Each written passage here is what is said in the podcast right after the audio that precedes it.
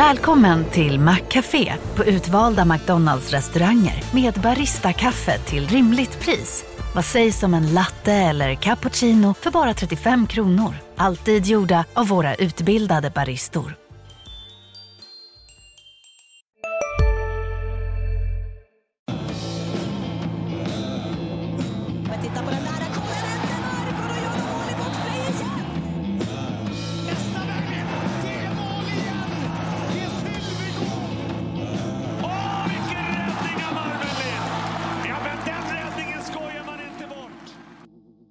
Redhawks-podden är tillbaka. Sydsvenskans Malmö Redhawks-podd med mig, Mattias Nilsson och Kent Leon Jönsson är tillbaka precis som säsongen, Kent. Absolut, och det ska väl bli jättekul, tror vi. Vi tror och vi hoppas kanske, men idag ska vi ta fasta på SHL-säsongen som precis har rullat igång. Malmö Redhawks har skrällvunnit i Skellefteå och imorgon torsdag är det hemmapremiär mot nykomlingen HV71. Och framförallt, vad kan vi förvänta oss av Redhawks sett över hela säsongen? Ja, det ska vi diskutera.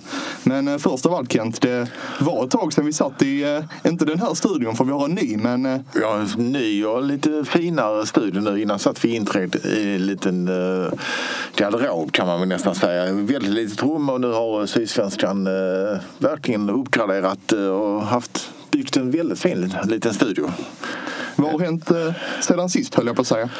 Ja, vad har hänt egentligen? Har varit, precis som du har gjort har, har vi väl båda gjort ganska mycket fotboll. MFF har vi gjort. Eh, Du har live-rapporterat, jag har skrivit en del och du har väl skrivit en del och du har varit utomlands och varit i Island och vad var det mer? Luxemburg? Nej, jo, någonting Jo. nästan. Så att du har varit eh, farit runt i eh, fotbollens tjänst. Men nu är det lite hockey vi ska traggla oss igenom. Och vi ser ett ett annorlunda SHL skulle jag vilja säga utan 08-lag. Och vi har både Djurgården och AIK i Allsvenskan och man kan väl tippa att Mediafokus kommer att hamna lite där. I alla fall när det är Stockholmsderby. Och sen, eh, det är kanske lite som svära i kyrkan eh, men 52 träningsmatcher inför kval eller slutspel. Jag tror inte det kommer att bli så eh, för Malmö Redhawks som kanske får kämpa där nere i botten. Då kommer varje match vara viktig. Men vi kan nog säga att, ja, ska vi tro att fem, sex lag kanske eh, kan betrakta det här som transportsträcka. Du eh, sticker ut hakan direkt och kör att Redhawks hamnar inte i kval. Nej, jag tror nog att de klarar det. Något, något, ja, jag har tippat någonstans jag tror jag jag har tippat dem tia. Eh, jag tror det var SHL, SHLs eh, gör någon intervju varje år så var jag med där. Om jag minns rätt så tror jag de skulle knipa den sista slutspelsplatsen. Men slutspel liksom. Men jag känner också att känns inte det jättemycket 90-tal? Jag, nu är jag lite inne på att ehm, som är Bundesligan i handboll, de kör ju eh, en rak liga. 20 lag, 38 seriematcher. Ja, vinner man serien, då är man naturligtvis eh, tysk mästare. Och jag tror att eh, något, jag tror man måste reformera det här med SHL och slutspel och se över det. För man, ska man hitta ut i det här, sticka ut i bruset eh, så måste, tror jag nästan varje match måste vara väldigt betydelsefull. Som vi ser i fotbollsallsvenskan, eller hur? Med att varje match gäller någonting. Där väljer, betyder ju varje match oerhört mycket. Jag sitter mest här och är lite chockad över din chockstart i podden. Nej, jag ska inte chockstart så kanske, men eh, jag tror man får titta över formatet. Jag är inte sådär... Sen när slutspelsmatcherna börjar, det är mitt under... Eh, då drar ju fotbollsallsvenskan igång och då förändras liksom hela medellandskapet. Och, och särskilt nu när vi har eh, tre Stockholmslag i, i fotbollsallsvenskan och eh, de här två stora drakarna i hockeyn ni spelar i andra ligan så att säga. Men det som slår mig, är det inte bättre att banta antalet grundseriematcher och ha kvar slutspelet då? Kanske. Vi kanske ska börja med eh, slutspel runt jultid eller något sånt. Så är vi klara i mitten av januari så... Eh, Precis, och sen kan vi... Nej, men jag tror väl också så här att... Eh, jag tror slutspel kan ha spelat ut sin eh, roll lite grann faktiskt. Eh, för jag tror också att det blir... Många eh, betraktar nog det här som en lång transportsträcka. Eh, Inte minst han kanske nere i Malmö. Jag var nere på träningen idag och snackade lite runt med folk och sånt. Och de verkar lite oroliga över publiksiffrorna. Inte minst mot HV imorgon. Att det, vad, hörde så, jag kan ha fel, men vad, den uppgift jag fick fram är att det sålts mellan 2000 2500 säsongskort. Och då tror jag att det kan till och med bli svårt att komma över 5000 sålda biljetter. Men jag låter det vara osagt. Alltså till HV imorgon. Sen kommer nog lite mer folk eh, till lördag när eh, Frölunda kommer på besök. De brukar ha med sig mycket folk också. I alla fall 500 kanske. Men det är ju en eh, för dålig publiksiffra om vi ska vara helt ärliga.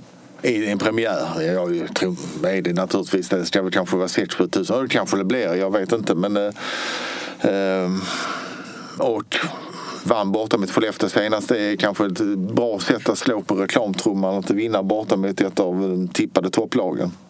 Ja men verkligen, vi ska återkomma till den matchen. Men först jag är lite intresserad. Du twittrade förra veckan om att Frans Nielsen är aktuell för Malmö Redhawks. Kan du eh, berätta lite mer om det? Ja precis, jag sprang på honom i förra veckan tror jag. Då var, gick han runt där med Patrik Sylvegård och eh, iklädd en eh, Redhawks-jacka. Då blev man lite eh, ja, fundersam. Vi mossade lite och snackade som, bara som hastigast, eh, hälsade på varandra. Och eh, nu för någon timme sedan så la jag faktiskt ut en liten bit av Patrik Sylvegård ut, uttala sig om att, eh, att, han är aktuell, att Frans är aktuell för en roll i, eh, som jag fattar det, som, och som, som man sa också, eh, isrelaterad roll. Kanske som någon slags skill coach som ska vara med ja, kanske med, med i A-laget och med på ungdomssidan.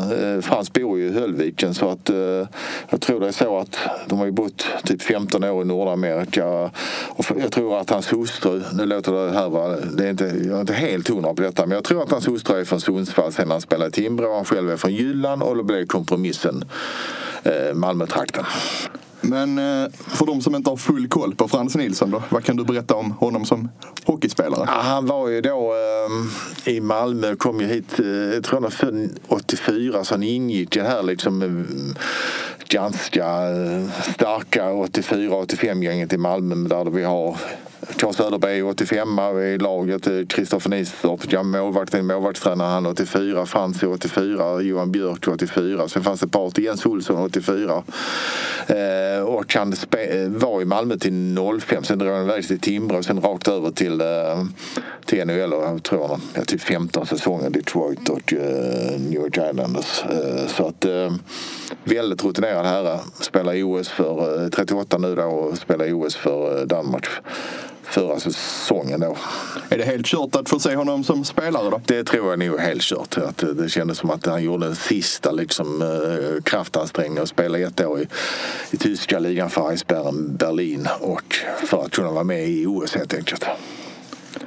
Vi ska blicka tillbaka lite på i lördags när eh, Redhawks fick en pangstart på säsongen. Man slog eh, Skellefteå borta med 5-2 och det händer ju inte varje dag och knappt varannat år höll jag på att säga. Nej, verkligen inte. Det kändes som... Eh, ja, de förstörde ju festen för Jimmy Eriksson, den där Skellefteå-ikonen som fick tröjan hissad i, i uh, taket. Och han var ju bjöd ju på lite tändvätska före matchen och sa att eh, vi skulle få se ett... eh, han hånade väl Malmö lite grann och de, sen snuvade Redhawks-spelarna honom på konfekten genom att vinna en, en, eh, ja, en stabil bortamatch skulle man väl kunna säga. Och varför vann eh, Redhawks? Det kändes ju komfortabelt. Ja, lite så. Att det var, eh, Marmelin var ju bra. Men de hade alla de här ingredienserna. Marmelin var säker i kassen, de var disciplinerade och eh, bra tätt försvarsspel, hög effektivitet framme och lite flyt och sånt. Jag tror att Skellefteå hade två i ribban och sen ett helt, helt vidöppet mål som en forward lyckades missa. Och man ska tur för att vinna och, i Västerbotten det är sen gammalt på något sätt. Och, eh, nu ska man ju kanske inte dra för stora växlar på detta för man får inte komma ihåg, om jag räknar rätt, så vann väl Malmö tre, fyra tre av de fyra första matcherna för, förra eh, säsongen och sen sjönk, började man sjunka betydligt i tabellen. Och då sjönk man som en sten i öppet hav. Ja, lite så faktiskt. Men eh, oavsett så, en seger i premiären för bottentippade Redhawks, det måste ju betyda enormt mycket för laget. Ja, Jag tror det är de tre viktigaste sakerna för en, en ny coach. Arbetsro, arbetsro, arbetsro. Eh, Jag tror det är enormt viktigt för Thomas Kollar att eh, känna att han har vind i seglen, att hans idéer funkar. Och, och det känns lite som att det, nu är det väldigt tidigt på säsongen, man har bara vunnit en match. Men det känns harmoniskt i, i laget och det känns, de känns ganska sammansvetsade. Man har liksom varit, sett någon match och nu en seriematch och varit lite på träning och sånt så är det intrycket man får. Men hur långt det bär, det är ju jättesvårt att säga. Men vad, vad är annorlunda nu jämfört med förra året när det var Joakim Fagervall, äh, tycker du? Jag tycker det är tydlighet och struktur som eh, det upplever jag som Kollar står för. Eh, stor vikt vid detaljer eh, och har man spel lika namnkunnigt lag som motståndare så får man liksom verkligen varje detalj blir viktig då tror jag. Och, och sen tyckte jag att han att de coachar eh, rätt så fräscht uppe i, i eh, Skellefteå. Att de eh, gick ner på folk, forwards, i, i, ner på tre kedjor i princip i slutet och använde en stor växtback som Oliver Larsson. Ganska sparsam men precis vid rätt tillfälle. Jag tror inte han fick mer än knappt tre minuters istid. Och sen har han hjälp av, av sin nya stab då, Thomas Kollar. Alltså, Mattias Tjärnqvist är tillbaka från Oskarshamn och sen har Peter Limatainen kommit in. Skulle du säga att det är en rutinerad tränartrio? Ja, jag tror det är alltså vi kan lägga till Nilstorp som, som är målvaktstränare. Jag undrar om de haft en mer rutinerad, i alla fall inte fyra så uh, spelarmässigt rutinerade tränare. Sen behöver inte det ha någon betydelse. Det är inte alltid de bästa spelarna som uh, blir de bästa tränarna. Men de vad de har haft genom åren. De har ju haft eh, Jesper Mattsson och Peter Andersson tillsammans. Eh, och det var ju Martin Filander har inte de spelarmeriterna riktigt eh, som de två andra nämnda. Så har de ju haft Mats Luss men det har varit Mats Luss med Björn Hellkvist som inte har de spelarmeriterna.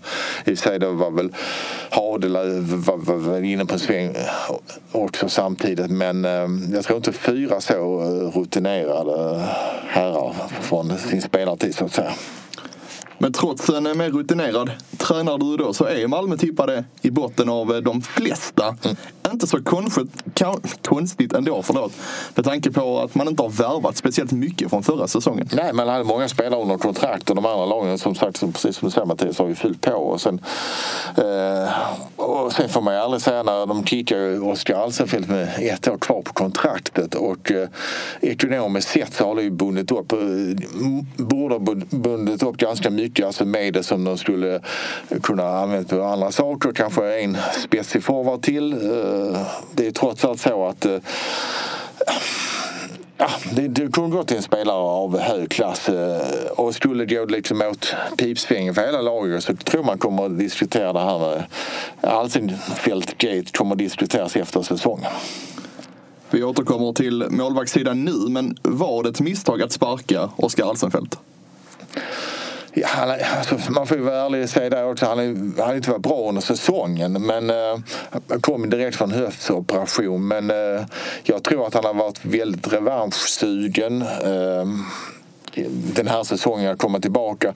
Men sen egentligen, alltså, man, man kan inte säga något förrän man har facit för att man, allting handlar om resultat. Och, eh, går klubben till slutspel täpper man igen truten på sånt som jag som tyckte var fel med, med Alsenfelt-kittlingen. Men eh, eh, om man säger så rent ekonomiskt så hade jag tror den billigaste lösningen varit att köra vidare med, med Alsenfelt och sen haft eh, kört Marmelin bredvid och eh, sen hade de för att konkurrera om första spaden.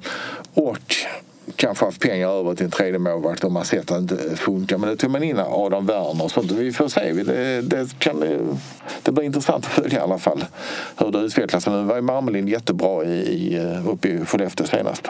Vi återkommer som sagt till eh, lagbygget men HV71 som Redox möter imorgon har plockat hem Mattias Tedenby. Timrå har plockat hem Jonathan Dahlén. Har inte Redox ett ganska grått och trist lag?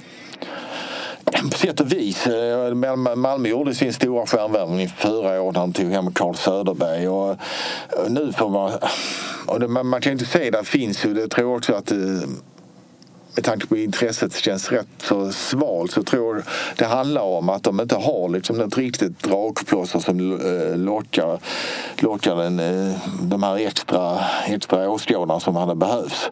Eh, de har behövt en ung spelare som sticker ut men en liten crowd pleaser. Men sen tror jag också att de kommer, deras styrka kommer att vara laget den här säsongen.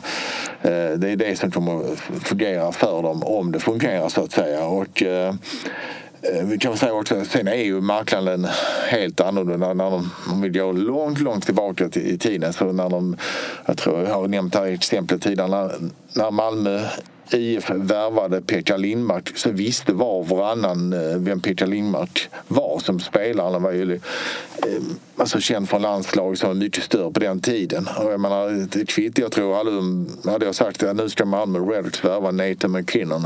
Hade, som anses kanske som en av världens bästa spelare. Så hade nog inte många tänkt Nathan McKinnon. Hmm, vem är det? Jo, de hockeyfrälsta hade ju liksom fattat men eh, inte så många som är sådär lagom hockeyintresserade kanske reagerat. Men vad tror du det beror på? Då? Är det att hockey har blivit ointressant för allmänheten? Jag tror också det här att, eh, jag menar, det, att det finns väl nästan hundra svenskar i NHL. Att, det, att den bästa hockeyn, i alla fall när det gäller namn och stjärnor och sånt, den spelas ju i Nordamerika och de som blir över i Sverige, eh, det ser man väl också på hur många lagen spelar med, med eh, höjd fart och intensitet och mycket skridskoåkning, att det har kanske mer blivit en liga för eh, för de som inte platsar i NHL. Men nu har ju ligan blivit bättre för att KL inte att inte så många väljer KL på grund av kriget i Ukraina. Den ryska inblandningen eller med, med eh, Ryssland som eh, en aggressiva parter så att säga så har ju många nobbat eh, KL. Även om det finns en del som det är svenskar finns det en handfull svenskar som ändå spelar där under säsongen. Men jag tänker i Redhawks, då är det ju någon som måste växla upp. Kanske Karl Persson som har varit glödhet under försäsongen. Lustigt att nämna honom. Jag pratade faktiskt med honom nu för någon liten stund sedan och han han verkar spela med tvillingar av Westerholm nu. Han verkar trivas med tillvaron. Trycker också på det att han tycker att de har tränat bättre nu. De har lite ett annorlunda upplägg. Eh, mer uthållighet, längre pass, fler pass. Så att eh, han verkar väldigt tillfreds med, med, med livet. Och jag gjorde ju faktiskt ett eh, ett litet, vi hade någon sån där vi skulle göra lite som hundreportage eller husdjursreportage. Idrottsutövare med husdjur och eh, då hade vi med eh, Karl och hans cocker spaniel i våras var det väl. Och eh, jag skulle ju, min första fråga var till honom, hur är det med Abbe? Hebbe sa han direkt då, för jag sa ju fel så det var ju ridå direkt. Så det var en dålig start på intervjun men vi, vi eh, kom tillbaka. Är det vad man kallar en dåligt påläst journalist? Absolut, lite. Jag hade Abbe i huvudet. Jag vet inte var jag fick det ifrån. Så heter det för, för övrigt eh, Sydsvenskans eh, skrivverktyg också. Eller var det en klassisk dörröppnare kanske för att öppna samtalet? Lite grann så faktiskt. Kanske lite, han, han skrattade gott. Det är rutinen som, eh, som vi spelar in. Ja, precis. Man fick ju bara tugga på liksom och käka upp det där hundbenet.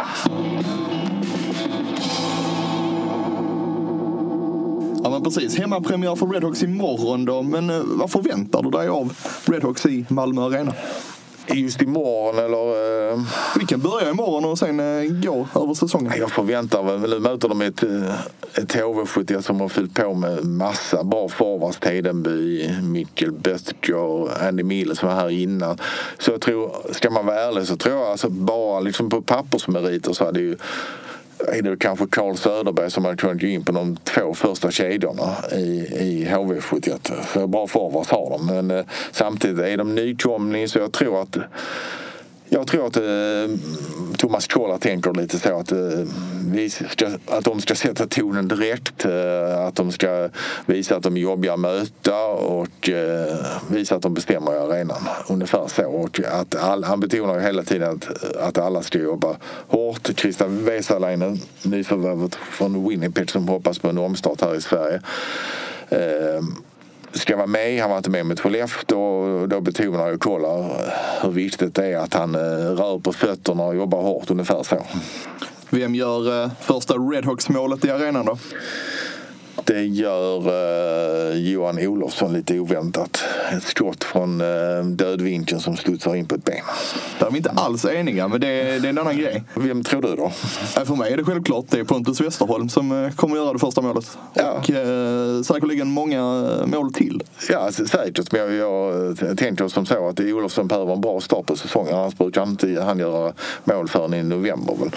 Han har ju sina patenterade när han kör runt, runt, runt i offensiv zon. Det Ja. rätt kul att titta på. Det är jättekul att titta på. Jag tycker han är, hade han haft ett... eh, hade om vi hade satt eh, Marcus Hufvudgårds skott i, i händerna på Johan Olofsson så tror jag faktiskt att det hade kunnat bli en 200 i NHL-match. Nästan.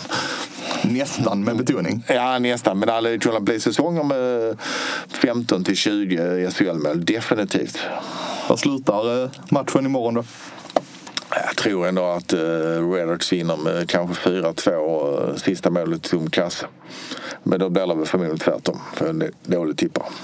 Förutom eh, Thomas Kollar som eh, huvudtränare från början, vad talar egentligen för att Malmö Redhawks gör en bättre säsong nu? Alltså det är lite som jag varit inne på tidigare. Jag tror det här kollektivet att, eh, och um, att kolla liksom Måste, jag tror att de tänker så vi, vi, där finns mer att kräma ur och vi ska kräma ur, det ur de, här spelarna, befintliga spelarna. För det är ju väldigt få nya spelare. Det är ju egentligen bara han, Thomas Chemitz, kanadensaren, som var ny i premiären så att säga. Som för övrigt gjorde en eh, bra insats. Ja, han ser ju rätt stabil ut faktiskt. Och det är lite så med, med, jag brukar alltid eh, vara skeptisk till kanadensiska eller nordamerikanska backar. För det är ju alltid en stor omställning, spela på stor rink. Och, eh, men han kom, verkar ha kommit in i det eh, snabbt och han ser ut att veta sina begränsningar och veta vad han ska göra. Han är bra på att orientera sig på isen känns det som. När du eh, säger så så måste jag fråga vilken är den största floppen då genom tiderna? Har du också valt att bli egen? Då är det viktigt att skaffa en bra företagsförsäkring. Hos oss är alla småföretag stora och inga frågor för små. Swedeas företagsförsäkring är anpassad för mindre företag och täcker även sånt som din hemförsäkring inte täcker. Gå in på swedea.se företag och jämför själv. Hej, Synoptik här. Hos oss får du hjälp med att ta hand om din ögonhälsa. Med vår synundersökning kan vi upptäcka både synförändringar och tecken på vanliga ögonsjukdomar. Boka tid på synoptik.se. Redhawks. Nordamerikanen. Ja. Eller, eller oh herregud. Det, ja, det finns massa. Det fanns ju fanns väl en som heter Jason Woolley som kom hit med alltså, rätt så bra NHL-merit. Det finns, alla finns rätt många som varit där rätt eh, kort tid eh, och eh, som varit ganska stora namn. Men kanske säger Jason Woolley då, som ändå tror jag, om jag minns rätt, det gjorde runt eh, 800 till 1000 i en NHL-match. När var detta då? Det var, måste vara i början av eh, 00-talet, kanske där runt första NHL-lockouten. Där kan det ha varit 04-05 där någonstans. Det förklarar ju varför jag inte minns det, men då eh, vill jag och min generation ha ett svar på från 2010 och framåt. Oh, ehm, ja, på rak arm hade... ehm, ja, vad hette den här eh, som var jävligt duktig egentligen? Ursäkta min franska. Hette han TJ Galliardi? Hette han det? Ja. Ja, som jag tyckte var jättebra spelare eh, men eh, kom in med helt fel inställning. Han trodde han hade gått från, eh, var om jag minns rätt, från kom han inte från Calgary eller Flames organisation. hade varit spelat fjärdekedjan här och hade många skills.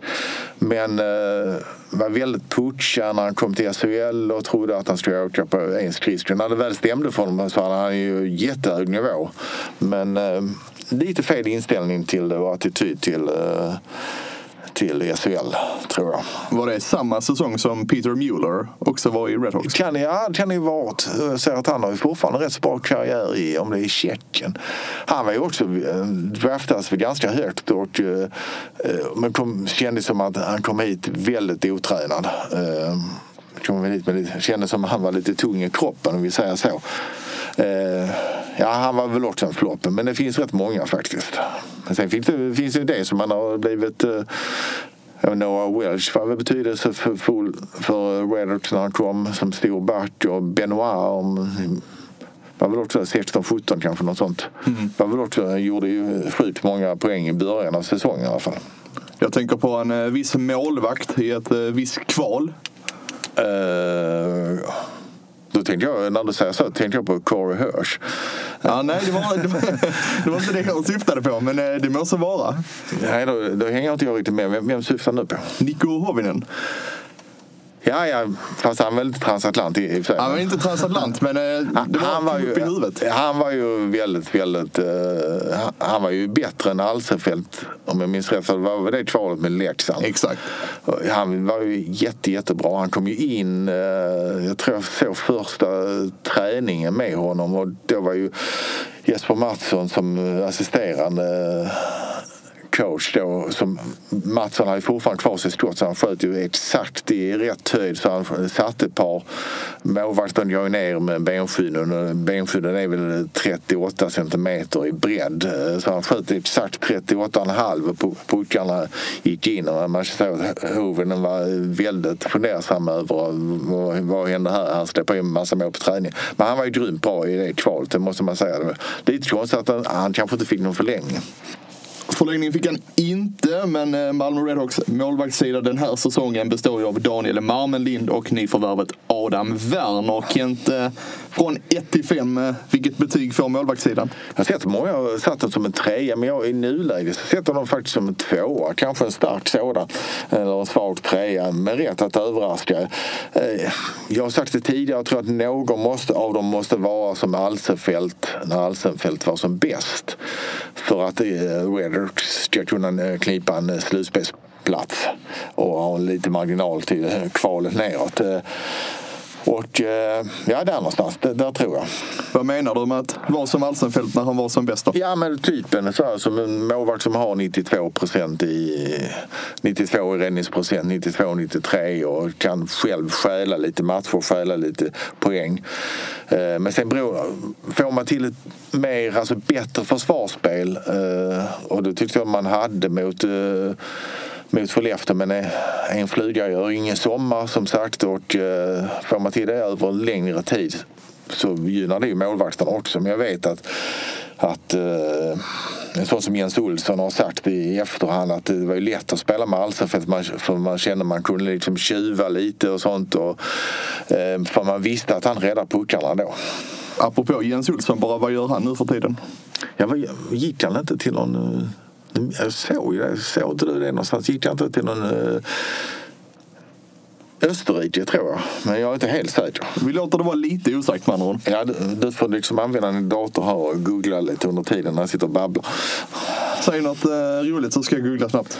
Ja, vi kan väl göra samma grej på eh, backarna, gå igenom dem lite. Och, och där, om vi nu sätter betyg 1 till 5 så, så tror jag det här tycker jag de, eh, jag tycker den här lagledningen känns lite underskattad. En trea kan var det ändå Adam Ålas Mattsson och Ryan är samtrimmat par. Ålas Mattsson är rejäl och allt det där. Och något felpass ibland som man kan komma undan med som är Skellefteå borta. Men trygg och rejäl. Och sen har Ryan ty, tyckte jag utvecklats som en stark poängback. Har eh, en säsong i ligan i ryggen. Och eh, Marcus Larsson är han lika bra som han är i landslaget? Eller, alltså, 90 procent av det han är i landslaget med, med, eh, med Danmark så är han, kommer han ju vara topp fyra back lätt i Malmö. Eh, Och sen tycker jag också att eh, det mest underskattade i den skaran är faktiskt Mattias Lassen som jag tycker är, är, han jobbar i det tysta och är en stark skridskoåkare, spelar uppoffrande. Eh, han får alldeles för lite cred. Eh, och så, vi var inne på Thomas Schemitz tidigare som jag tycker ser bättre ut för varje match och eh, verkar klar omställning. Oliver Larsson tror jag de kommer att använda rätt så sparsamt. Eh, han kommer nog ligga någonstans mellan 3 och 9-10 minuter. Men han är en bra pjäs att sätta in i vissa lägen. Tacklar egen zon och det ska vara skyffla ut pucken, boxplay. Uh, lite så. Uh, Ja, vad har vi glömt? något? Theodor Jonsson finns det också. Så har vi Lerby förstås. Uh, där är det ju det handlar ju, alltså, potentialen är jättehög och jag tror att han jag tror han får skrapa bort lite av det här att han kanske ska vara en back som ska ha mycket puck. Kan han hitta den balansen mellan att eh, spela enkelt och vara kreativ när man ska vara kreativ och inte klydda för mycket med pucken. Då tillför han enormt mycket och det tror jag är han, det kommer att vara nyckel för honom i framtiden. För han har ju de här vända på femöringen. Eh, Vändningen så att säga, som är helt fin att se. Du pratade på bra där och Ja. ni får inte tro att det tog så lång tid för mig att googla. Eh, Men Jens Olsson spelar i Slovak, slovakiska ligan den här säsongen. Ja, för vilken klubb?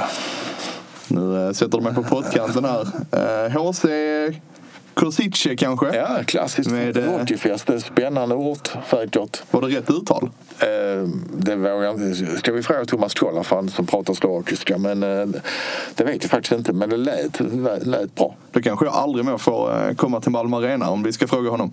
Ah, jag tror han är rätt så förlåtande faktiskt.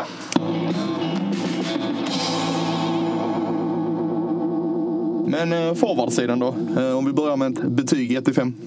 Ska vi säga en trea? Det har varit tråkiga betyg, jag vet. Men jag tycker att vi har en första kedja, eller den som jag tycker är bästa kedjan, eh, bäst sammansatt just nu i alla fall, är ju tvillingarna eh, Westerholm tillsammans med Karl Persson.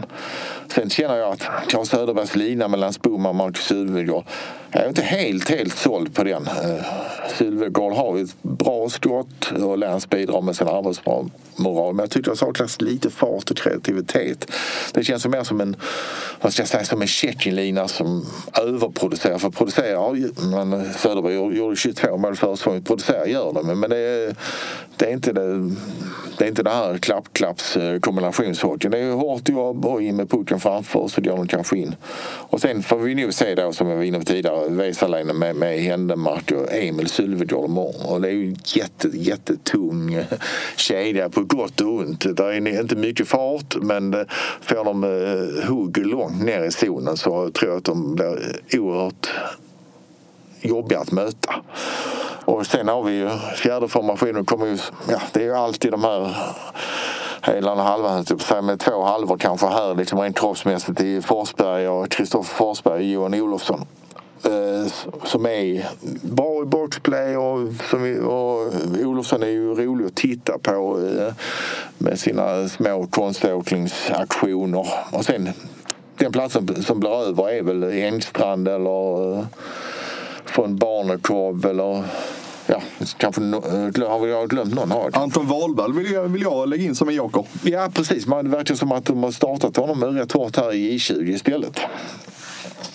Det känns det som. Så att jag, jag vet faktiskt inte hur de tänker. Man var med väldigt mycket som, eh, under träningsmatcherna. Och du såg en del live också. En åtminstone. Ja men precis, det var inte allt för många men eh, visst har man sett dem och han är ju... Eh, Jag tycker han känns väldigt spännande. Kanske junioraktig i vissa moment kanske vi ska säga. Så att, eh, men, eh, nej, men han känns väl... Han, han har ju, jag har ju sett hans pappa spela väldigt mycket. De skiljer sig rätt mycket åt som spelare. Mikael Wahlberg, som, för er som inte minns honom, var en hårt arbetande center. Eh, inte något överdrivet bra eh, skridskoåkning. Bra spelsinne. Eh, underskattad. Gjorde en säsong med över 30 poäng. Men eh, sonen Anton här har ju helt annan liksom, uppsida. Han skulle kunna bli en, alltså, ja, jag tror NHL är inte uteslutet om man fortsätter utvecklas. det är inga dåliga ord. Nej, men jag är, han har för övrigt en tvillingbror också, Anton alltså, som spelar back i J18 eller möjligtvis i J20.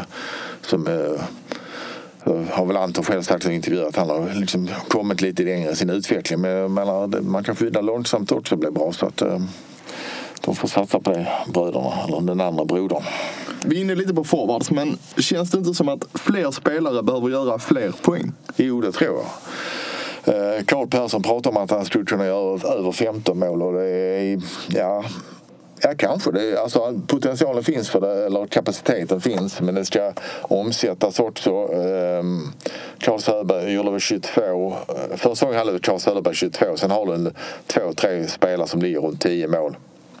Där Carl Persson var en av dem som gjorde 11. Jag tror att du får ha lite mer eh, Alltså Marcus Sylvegård spelar med Carl Söderberg så vet du att puckarna kommer eh, dyka upp framför mål och det, kanske den tjejen är kanske mest Lance Boman som kan hugga på retur och sånt men Marcus Sylvegård kommer ju spela mycket powerplay och i det powerplay kommer ju eh, Söderberg finnas fram, framför keepern så att säga, motståndarkeepern. Så han skulle också, där finns ju 12 till 15 mål i honom kanske om han eh, får igång sitt eh, skott och är skadefri och allt det där. Och sen Pontus Westerholm som du var inne på som tänkt hemmapremiär målskytt. Eh, Det kommer att bli så. jag litar på detta och sätter pe- pengar.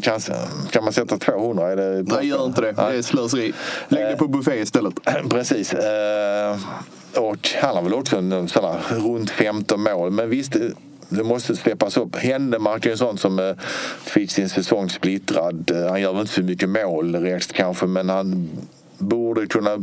Alltså fick ju både förra och förra säsongen igen splittrade med spel både i NHL och sen i KHL och sen tillbaka hit och dit. Och jag tror han mår bra och har det här liksom trygga fasta punkten och eh, det är en spelare som är tung i kroppen och väldigt vältränad eh, och jag tror att han eh, borde kunna växla upp också.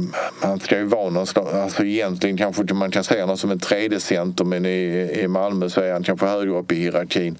Eh, och, eh, och behöver nog få vara något annat än en, anses som en tredje center i bra SHL-lag, vilket Redditch inte är på pappret i alla fall. Så tror jag att han behöver upp där någonstans. Han har varit någon gång tidigare runt 30 poäng i alla fall. Och då, då var han också var med i landslaget eh, under de här träningsturneringarna. Vilken spelare i Redhawks kommer överraska mest åt det positiva eller negativa hållet? negativa. Alltså, alltså det är, jag tycker det är mycket upp till bevis för Adam Werner. Jag är väldigt osäker på hur han står. Kan han för dåligt? Eh, Så han får gärna han kanske ligger på den negativa sidan nu om man, om man, man känner Marmelind redan nu liksom tar första spaden. Eh, Tror du inte att Werner får chansen i jag tror Werner kommer ju få chansen. Vad har de nu? Frölunda på lördag, HV imorgon och Rögle borta i derby i Ängelholm. Så det är lite hur man tänker också. Hur hade du tänkt? Jag hade kört Marmelind eh, så länge han är en vinnande målvakt. hade Jag kört honom. Jag hade kört honom eh, om man vinner, skulle överraska vinna båda de här matcherna. hade Jag kört honom i derbyt också. Jag tror Malmö behöver eh, på något sätt samla poäng i ladorna. Och, eh, jag har inte ändrat ett vinnande lag men sen måste man mm, tänka att Adam Werner behöver också lite um, vad ska man säga, han behöver ju naturligtvis matcher. Det kan ju inte gå nu tre, fyra veckor utan en match. Så att, men positiv överraskning, mm, ja. Alltså det är ju mest samma gamla spelare som det har varit innan. Men eh, jag var inte sådär tyckte Thomas Schemes såg ut som eh, på pappret som en, man vet inte om det är fågel eller fisk. Men han har, har ju lite potential att vara en eh, positiv överraskning. Tycker jag nog. Och nu kan ni där hemma plocka fram anteckningsblocket för nu ska Kent svara på vilket lag vinner SM-guld. Usch, det blir svårt att säga på rak arm. Men eh, är, det inte, är det inte Luleås tur lite grann? Jag vet inte om de har laget för det, men eh, det känns lite, det känns väldigt svår, eh, svår bestämda på ett sätt och vis men ändå väldigt välcoachade. Jag tror kanske inte Rögle som har varit bra de senaste säsongerna långt fram. Det känns det laget är lite för ungt. Så jag säger Luleå. Och vem eh, ramlar av? Ja, vem ramlar av? Alltså, Oskarshamn är definitivt i farozonen även om jag tror att uh, vi underskattar dem igen. Jag tror Filander är så pass bra coach och de är jätteduktiga på att hitta de här uh, vad ska jag säga, spelarna som internationella spelare, nordamerikaner som har hamnat lite fel i systemet. Men eh, jag känner Örebro och Linköping känns rätt så beige också. Jag tror det kommer stå där nere. Eh, Leksand vet jag inte heller, men där någonstans. Men eh, om du pressar mig lite så tror jag faktiskt att det kan vara Linköping som stiger av. Luleå SM-guld, Linköping ramlar av. Ja. Och vem går upp säger du då? Ja, det kan du också få svara på om du nu vill Ja, det fortsätta bör, gissa. ju- bör ju vara Djurgården om man ser till förstärkningarna och sånt eh, med eh, Björklöven som var väl i den allsvenska finalen förra året som stark outsider. Och vem ramlar av Hockeyallsvenskan då kan jag ju fortsätta fråga. Oh, det, det, den får du svara på själv faktiskt. Ja, jag passar. Ja. Den, den tycker jag är rätt svår. För att eh, det är ju, alltså där skiljer ju alltså, ekonomiska muskler kanske ännu mer eh, om man tar Djurgården kontra låt säga Tingsryd eller Kristianstad. Där är skillnaden nästan större än vad det blir mellan de, ekonomiskt, eh, de som har starkast ekonomiska muskler i SHL. Topp och botten där så att säga. Ja, hockeyn eh, den börjar verkligen dra igång och SHL är ju i full gång. Hockeyallsvenskan drar väl igång eh, på fredag va? Så är det nog ja. Kommer du eh, sitta bänkad eh, nästan varje dag framför tv nu? Alltså jag kommer nog... Eh, jag koncentrerar mig nog på Red Rocks och eh, i mångt och mycket. Kanske, alltså jag är lite nyfiken på, om jag ska säga allsvenskan, lite nyfiken på Kristianstads lagbygge. Så det där kanske kan bli någon match. Eh, som sagt, sen är ju fotbollssäsongen igång så det blir lite blandat, bandat. Men eh, uh, Redart ser jag alltid, även när jag är ledig naturligtvis. Det, det är lite, det är, man, jag är ju så med idrott att man måste ha något att spana in för att det ska vara roligt. Och det där är ju, eftersom man jobbar med det så är ju Redart roligt. Annars vill man ju ha lite den här Ryan Lash-typerna spana in när man kollade in fotboll förr så var det ju roligt att se före din tid men eh, alltså man kollar in MFF kunde man ju bara få se Joakim Nilsson dribbla eller eh, Jonas Tern göra tvåfotsdribblingar. Du eh, kan inte njuta av en eh, match med en påse chips bara? Jo, det kan jag göra men då ska det vara på väldigt hög nivå kan jag tycka. Liksom, men jag vill ändå ha, ha någonting att spana in. Någon spelare som man är lite extra förtjust i eller lite så. Typ. Om man nu tar NHL, Nathan McKinnon eller Sidney Crosby, den nivån liksom som verkligen sticker ut. Tycker du att NHL är roligare att titta på än SHL? Jag tyckte faktiskt, alltså NHL är ju väldigt, nu ska jag inte säga, eh, säga matcher varje vecka, men jag tycker att eh, vad jag stör mig på där, jag kan se spelarens stora skicklighet men jag kan också störa mig på att jag tycker det är rätt så slafsigt och hafsigt spel. Eh, I alla fall i grundserien. Sen är det väldigt, väldigt, väldigt skickliga spelare. Jag, det var, ju- jag har haft, sett ganska många VM-turneringar och då var det ju alltid på plats så att säga. Även om det var länge sedan senast. Men det var ju alltid en så stor omställning att gå från SHL eller elitserien som det hette då. Eller till och med man såg allsvensk hockey. Så helt plötsligt hamnade man på, man på en träning med eh, Tre Kronor och eh, Niklas Lidström stod på blålinjen. Det var så en enorm kvalitetsskillnad så det var nästan så det gjorde ont att se. Så är det. Hockeysäsongen är igång och Redhawks podden är tillbaka. Detta var det tolfte avsnittet av Redhawks-podden med mig Mattias Nilsson och Kent Leon Jönsson. Ansvarig utgivare är Jonas Kanje och vi har ett viktigt budskap. Glöm inte att trycka på följ eller prenumerera i era poddappar för att få upp senaste avsnitten alltid. De flesta av Redhawks matcher kan ni också följa med mig på sydsvenskan.se och vem vet kanske kan Kent sticka in med en och annan anekdot också om ni ber snällt. Absolut. Tills vi hörs nästa gång, ha det gott. Hej. Hej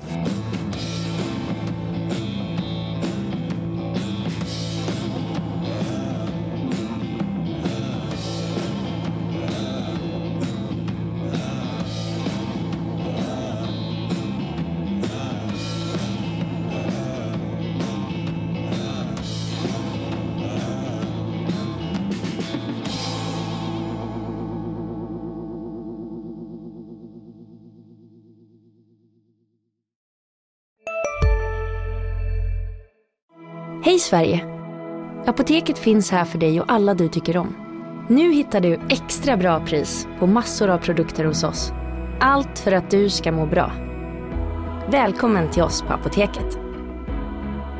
Big Mac har miljarder fans över hela världen. Under mer än 50 år har den skapat popkulturell historia. En legend med 100% nötkött och den mytomspunna såsen. Nu finns Big Mac för bara 39 kronor på McDonalds.